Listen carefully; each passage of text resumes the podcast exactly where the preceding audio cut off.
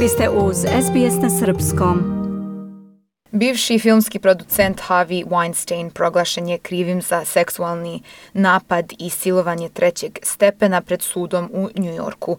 67-godišnji Weinstein osuđen je za seksualni napad na bivšu asistentkinju Mimi Hale u svom stanu 2006. godine, kao i silovanje glumice Jessica Mann 2013. godine, objavila je agencija Reuters. Dužina kazne koja je Weinsteinu određena nije odmah saopštena, a bivšem uticajnom filmskom producentu preti kazna u trajanju od 25 godina u zatvoru. Izricanje presude zakazano je za 11. mart. Sudija James Burke odmah pošto je presuda izrečena, zatražio je da Weinstein bude sproveden u zatvor. Kako prenosi BBC, poruta od sedam muškaraca i pet žena donela je presudu u ponedeljak ujutru po njujorškom vremenu, peti dan rasprave. Slučaj protiv Weinsteina bio je zasnovan na tri optužbe. Na optužbi da je jednu glumicu koja je u to vreme imala karijeru u usponu silovao u njujorškom hotelu 2013. kao i na optužbama za silovanje svoje bivše asistentkinje Mimi Hale i silovanje zvezde televizijske serije Sopranos glumice Annabelle Sciore. Weinstein je na početku suđenja odbacio sve tačke optužnice po kojima mu se sudilo. Više od 80 žena je optužilo Weinsteina za seksualne prestupe u periodu od nekoliko decenija unazad.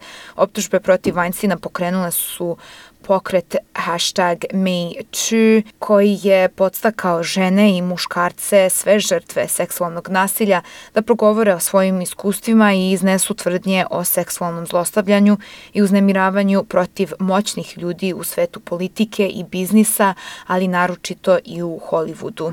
Ko je zapravo Harvey Weinstein? I nekada jedan od najpoznatijih hollywoodskih producenata, Weinstein koji sada ima 67 godina, radio na produkciji brojnih nagrađenih filmova i svetski poznatih filmova.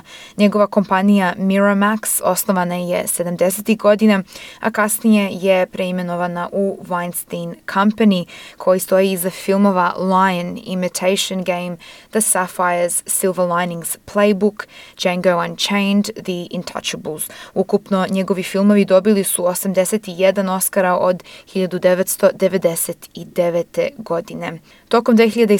godine magazin Quartz je pisao da je Weinstein toliko popularan u Hollywoodu da mu se dobitnici Oscara zahvaljuju kao bogu u govorima kako je onda od međunarodne slave dospeo do zatvora, kako se razvio skandal oko Harvey Weinsteina.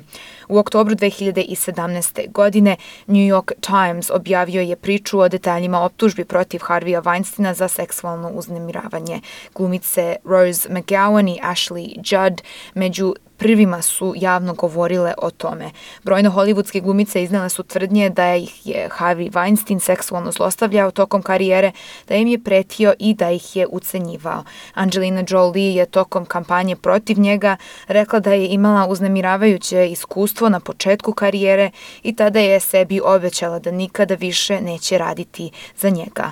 Gwyneth Paltrow, Kate Beckinsale, Minka Kelly i Selma Hayek su takođe na socijalnim medijima podelili podelile njihove priče i iskustva sa Weinsteinom. Selma Hayek je čak napisala članak za New York Times Weinstein je i moj monstrum, Harvey Weinstein is my monster too.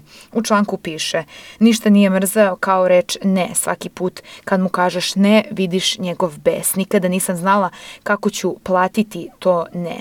Nakon završetka filma Freda na filmskom festivalu u Veneciji na žurci u jednom hotelu, on mi je prišao. Ovog puta kada sam mu rekla ne, on je besno odgovorio ja ću te ubiti, nemoj da misliš da neću i da ne mogu to uraditi. Hayek kaže da je kao koproducent i glumica u njegovoj kompaniji nakon tog incidenta morala da sakupi između ostalog i 10 miliona američkih dolara da zaposli tim advokata kako bi prekinula ugovor sa kompanijom. Ona kaže da je to potez koji je koštao mnogo u njenoj karijeri. Rose McGowan je danas na svom Twitter nalogu objavila konačno je došlo vreme kada neće sedeti komforno. Konačno u životu osetit će svu svoju moć kako ga steže oko vrata. Ponosna sam na sve žene koje su svedočile protiv njega, konačno mogu da odahnem. Weinsteina sada čeka i optužnica pred sudom u Los Angelesu koja je bila objavljena istog dana kada se prvi put pojavio pred porotom u Njujorku. Okružna tužiteljka u Los Angelesu navela je da se optužbe odnose na navodno silovanje jedne žene i seksualni napad na još dve tokom 2013. godine. Tužiteljka Jackie Lacey, koja je tada i saopštila tačke optužnice, navela je da ispituje još neke potencijalne slučajeve. Dalja istraga u Weinsteinovom slučaju je moguća, a postoji i nekoliko građanskih parnica protiv njega. U decembru 2000 2019. godine Weinsteinovi advokati su sa nekima od žena koje su ga tužile postigli dogovor o obeštećenju u visini od 25 miliona američkih dolara. Želite da čujete još priča poput ove? Slušajte nas na Apple Podcast, Google Podcast, Spotify ili odakle god slušate podcast.